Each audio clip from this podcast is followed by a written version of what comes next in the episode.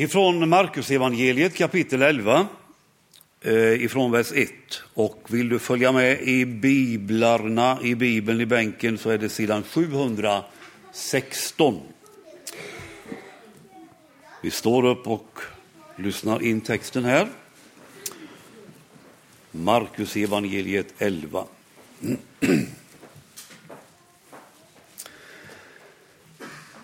När de närmade sig Jerusalem och var vid Bitfage och Betania vid Olivberget skickade Jesus iväg två av sina lärjungar och sa till dem Gå bort till byn där framme.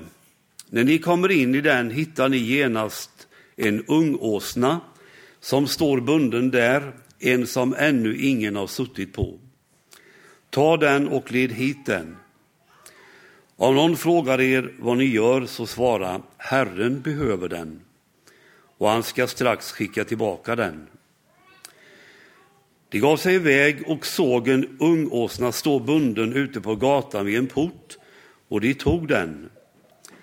Några av dem som stod där frågade Vad gör ni? Tar ni åsnan?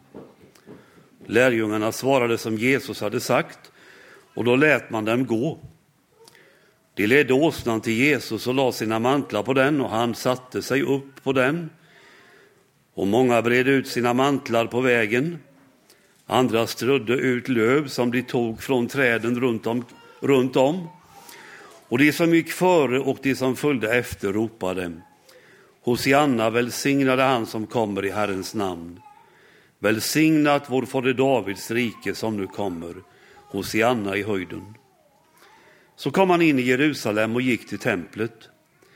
Och när han hade sett på allt vände han tillbaka till Betania med de tolv, eftersom det redan var sent. Amen. Varsågoda, sitt.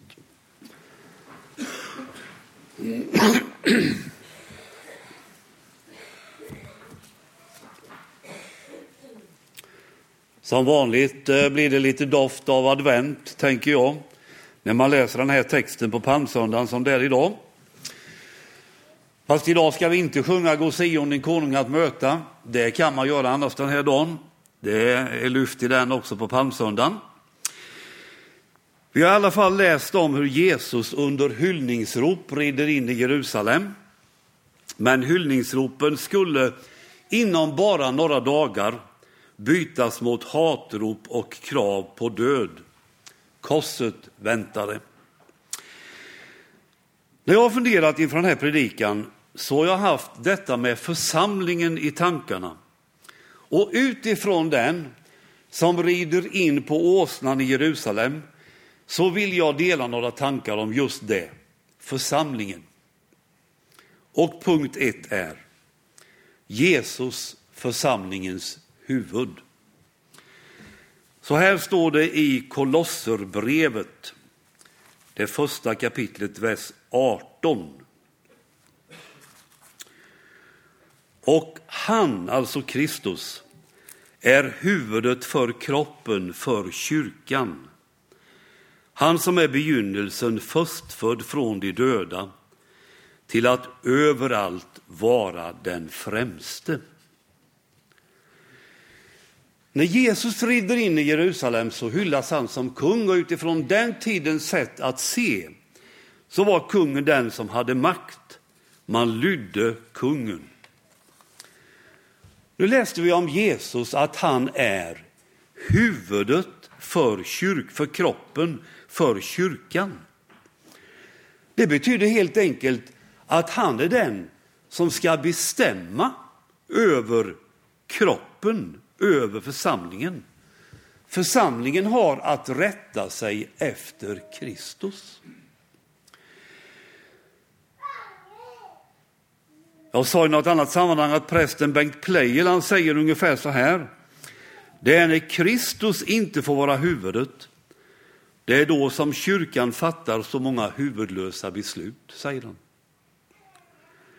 Kristus är alltså huvudet för kroppen, för kyrkan, för församlingen, för oss. Kroppen är en bild på församlingen som Bibeln använder, en väldigt bra bild. Där vi är lemmar och är beroende av varandra för att det ska fungera. Och Kristus är huvudet. Och glöm inte att Jesus Kristus, huvudet, han har gett sitt liv för kroppen. Han har köpt den med sitt eget blod, som det står i Apostlagärningarna. Och det är ju så här att kroppen och huvudet hör samman. De är inte skilda åt, de hör ihop. Och då är det så här att genom tron och dopet så tillhör vi Kristus. Vi är döpta in i honom. Men genom tron och dopet så tillhör vi också kroppen, församlingen. Vi tillhör varandra. Och Det betyder att den som är döpt kan inte stå utanför gemenskapen. Vi hör otvivelaktigt ihop.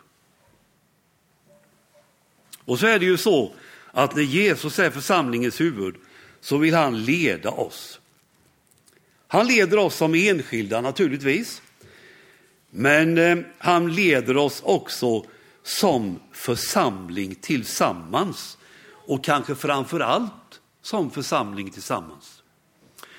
Ibland har vi nog svårt att tänka så, för vi tänker ofta liksom individualistiskt. Men jag tror att vi mer och mer måste tänka Jesus leder oss tillsammans. Vi tror att vi är församlingen här, vi tror att vi följer Jesus när vi arbetar med UV, eller tonår, eller dagledigträffar eller djupare och så vidare. Att vi ska syssla med det, det beslut som vi har gjort på en bredare bas. Va? Vi har beslutat tillsammans. Och om vi hör ihop och beslutar om en viss sak så tror vi också att Jesus har varit med i det beslutet. Och då går vi tillsammans åt det håll som vi har beslutat. Det går aldrig att spreta liksom med var sitt projekt åt olika håll. Liksom, då kommer vi ingenstans. Vi låter huvudet Kristus, så långt vi förstår, leda oss tillsammans. De olika kroppsdelarna hör ihop och det blir bättre om alla delar i kroppen drar åt samma håll. Jag brukar försöka röra på mig genom att cykla. Det skulle gå käpprakt åt skogen om vänster ben skulle trampa framåt och höger bakåt. Det går inte. Vi måste dra åt samma håll. Så måste vi lägga märke till att när vi läste i Kolosserbrevet om Jesus som huvudet för kroppen, att det stod också så här om honom. Till att överallt vara den främste. Lägg märke till det. Det betyder helt enkelt att om Kristus ska vara huvudet så vill han vara den främste. Inte nummer två eller nummer tre, utan nummer ett. Och var ska han vara främst? Jo, överallt läste vi. Och då måste det betyda att Jesus vill vara den främste på alla områden i våra liv. Alltså hur många delar vi än har i våra liv, överallt där vi lägger tid och engagemang, där ska Kristus vara den främste. Han vill alltså ha med alla våra livsrum att göra. Inte bara bä på ett hörn, utan den främste. Jesus är vårt huvud, han är församlingens huvud. För det andra, härligheten i församlingen. Och då läser jag från andra Korintierbrevet 3 och 18. Och alla vi som utan slöja för ansiktet skådar Herrens härlighet förvandlas till en och samma avbild. Vi förhärligas av denna härlighet som kommer från Herren, Anden. Lägg märke till, vi förhärligas av denna härlighet som kommer från Herren, Anden. Alltså Herrens härlighet finns i församlingen genom att han bor här med sin ande. Precis samma dag som jag skulle sätta mig med min förberedelse till den här predikan så läste jag på morgonen i Andra krönikeboken 5 om hur kung Salomo förde Guds ark till templet i Jerusalem. Och när arken var på plats så började lovsångsgudstjänsten med sångare och musikanter. Och då står det så här. Då fylldes huset, Herrens hus, av ett moln så att prästerna inte kunde förrätta sin tjänst. Herrens härlighet uppfyllde templet. När Jesus rider in i Jerusalem så är han på väg att förhärligas. Strax efter intåget säger han, stunden har kommit då Människosonen skall förhärligas. Sannerligen, jag säger er, om vetekornet inte faller i jorden och dör förblir det ett ensamt korn, men om det dör ger det rik skörd. Här talas det alltså om Jesu härlighet, eller Guds härlighet. Och den kommer att visa sig genom Jesu död. Och då handlar det om härligheten i Guds kärlek. Vi kan aldrig se Guds härlighet bättre än om vi sätter blicken på korset och på Jesu död. Där uppenbarar Gud sin härlighet. Sen ska vi komma ihåg att Jesu härlighet visar ju sig i uppståndelsen och i, eh, i himmelsfärden. Men kom ihåg att det är en härlighet som hela tiden går igenom hans sår, genom det som hände på korset. Och det är bara på grund av det som Guds härlighet kan bo i församlingen.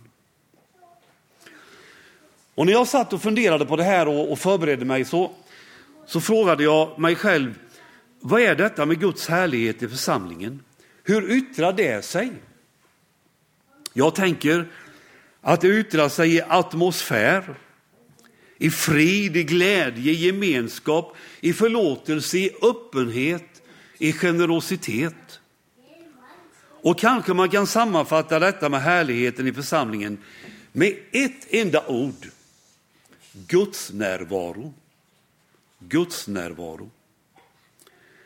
Och när vi läste om härligheten i templet nyss så stod det att huset fylldes av ett moln. Moln är ju i Bibeln tecken på Guds närvaro. Där Gud finns är härligheten, Guds närvaro. Och lade du märke till att Guds närvaron i templet var så stark så prästerna inte kunde förrätta sin tjänst. Tänk att Guds närvaron kan bli så påtaglig så att det varken går att predika eller sjunga, utan det enda vi har att ta till inför Guds härlighet är tystnad.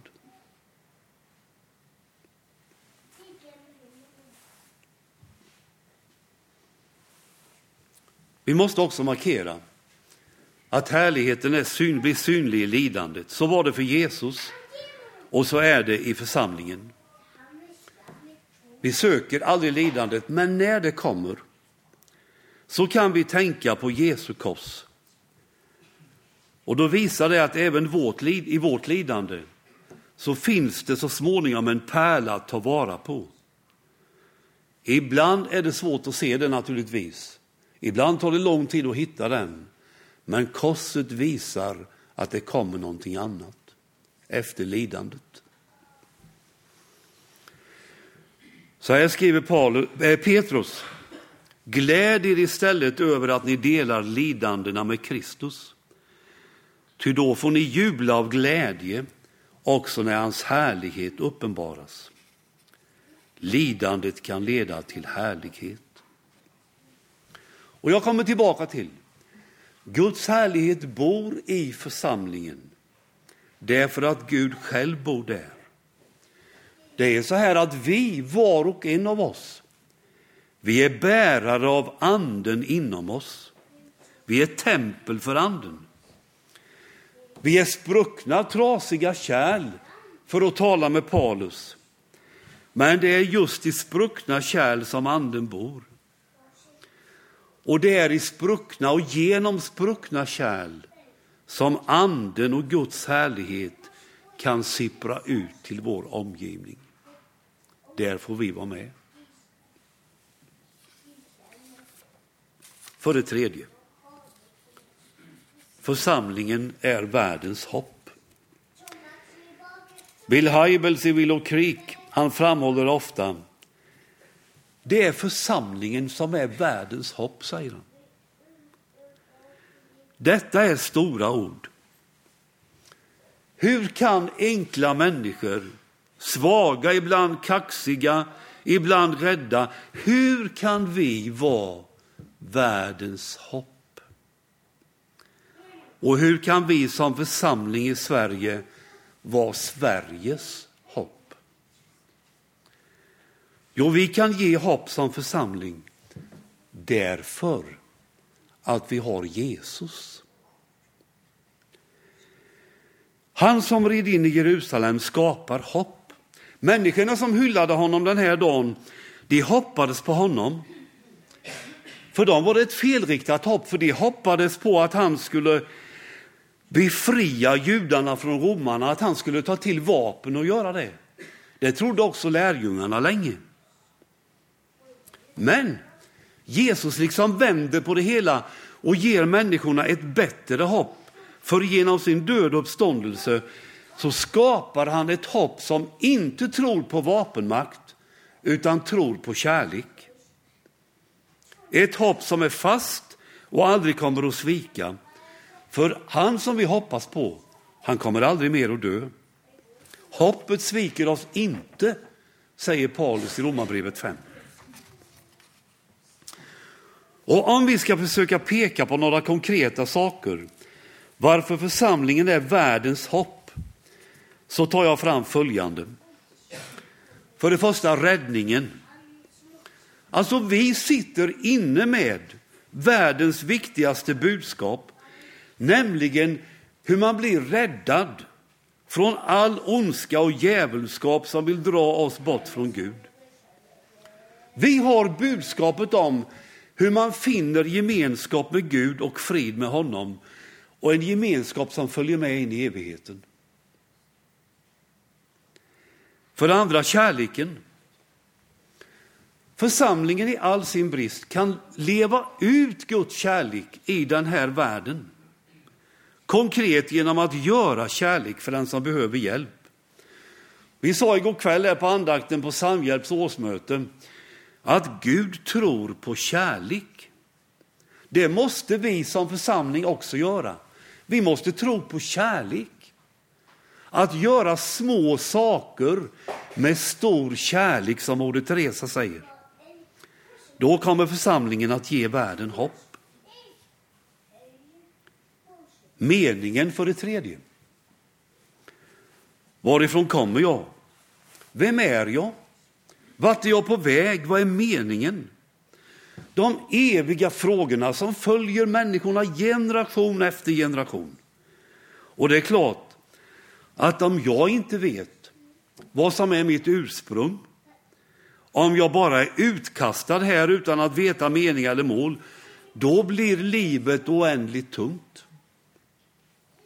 Bibeln har svaren på varifrån jag kommer, vad som är meningen, vart jag är på väg. Här kan församlingen ge världen hopp. För det fjärde, sanningen. Det står så här i första Timoteusbrevet att församlingen är sanningens pelare och grundval. Vilka ord! Vilket förtroende! Finns det något som är sant, något som går att lita på, någon som aldrig sviker?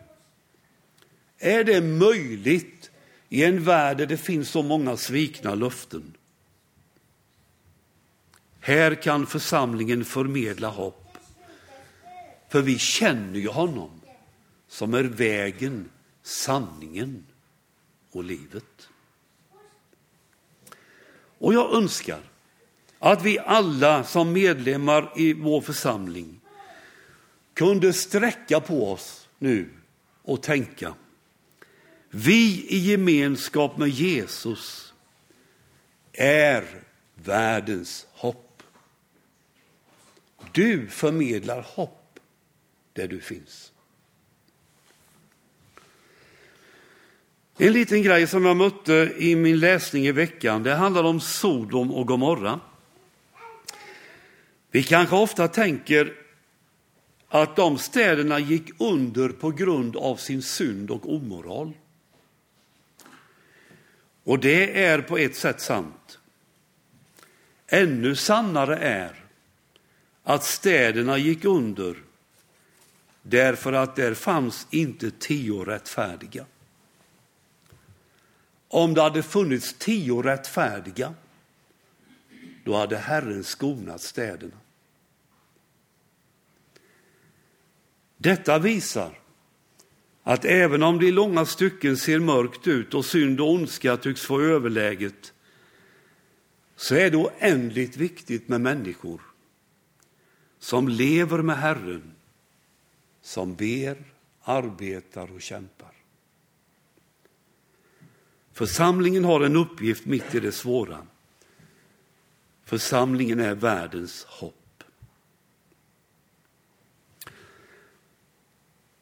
Och så måste jag, lyssna nu, ta med dig till det helt svindlande som Paulus skriver om i Efesiebrevet. Om oss skriver han det, som församling. Lyssna. Nu skulle häskarna och makterna i himlarymderna genom kyrkan, oss, få kunskap om Guds vishet i hela dess mångfald.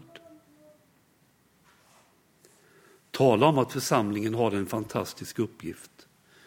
Församlingen är världens hopp. Och så en liten sista punkt en gång utan fläck. I Efesierbrevet 5.